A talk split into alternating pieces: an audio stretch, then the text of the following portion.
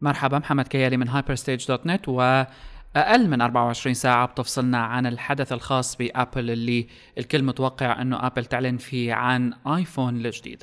طبعا يعني الإشاعات معبية الدنيا مثل ما بيقولوا وتتراوح من جهاز آيفون فيه تعرف على البصمات ل iPhones مختلفة كمان شفنا تصاميمها. أه، لكن يمكن أهم أمرين لازم نخليهم بعين الاعتبار فيما يتعلق بآيفون اللي حيجي جديد. إنه اولا ووفقا للطريقة اللي بتطالع فيها آبل ال iPhones دائما بعد الإصدار الأصلي لآيفون أو مثل خمسة أربعة إلى آخره أه، بيجي عنا جهاز اللي بيكون فيه 4S أو 5S الآن آبل من أحد الأمور اللي صارت فيها مشكلة حقيقية هي إنه صار في تنبؤ كبير بما ستطلقه يعني بشكل عام.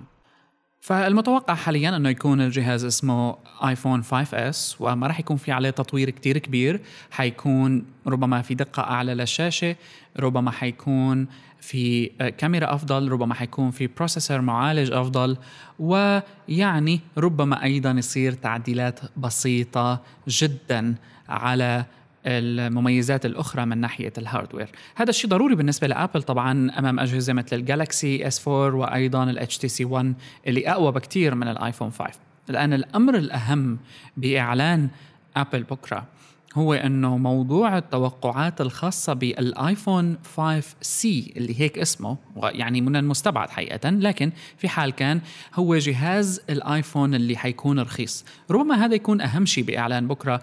مو لشيء حقيقه ما راح يكون هالاختلاف الشاسع لكن هو نوع من قبول آبل والوجه الجديد اللي بنعرفه نحن صرنا لآبل خصوصا بعد iOS 7 واللي هو حتحاول تلحق سوق أندرويد الضخم. ويعني على قد ما بيقولوا إنه الأندرويد فيه fragmentation لكن هذا ال fragmentation ساعد جوجل بشكل عام وأندرويد خصوصا لأنه صار في أجهزة مختلفة القدرات وبالتالي آه، بيختلف مع السعر.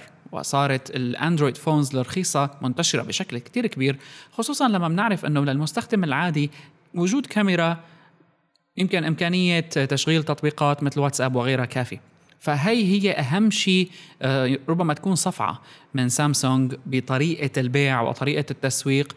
آه، لأنه حتى حقيقة يعني أحسن تليفونات سامسونج هو تليفون مصنوع من البلاستيك الجالكسي فيعني هذا الشيء أثر على أبل من ناحية المبيعات وأبل لازم ترد بطريقة أو بأخرى. ردها ربما حيكون إنه حتقلنا البلاستيك المصنوع ما بعرف من إيش معالج وفيه مجموعة ألوان range سعر من 300 ل 500 دولار maximum فيعني نوع من الرد ومحافظة آه، على آه، ماء الوجه مثل ما بيقولوا بالنسبة لأبل بأقل خسائر ممكنة.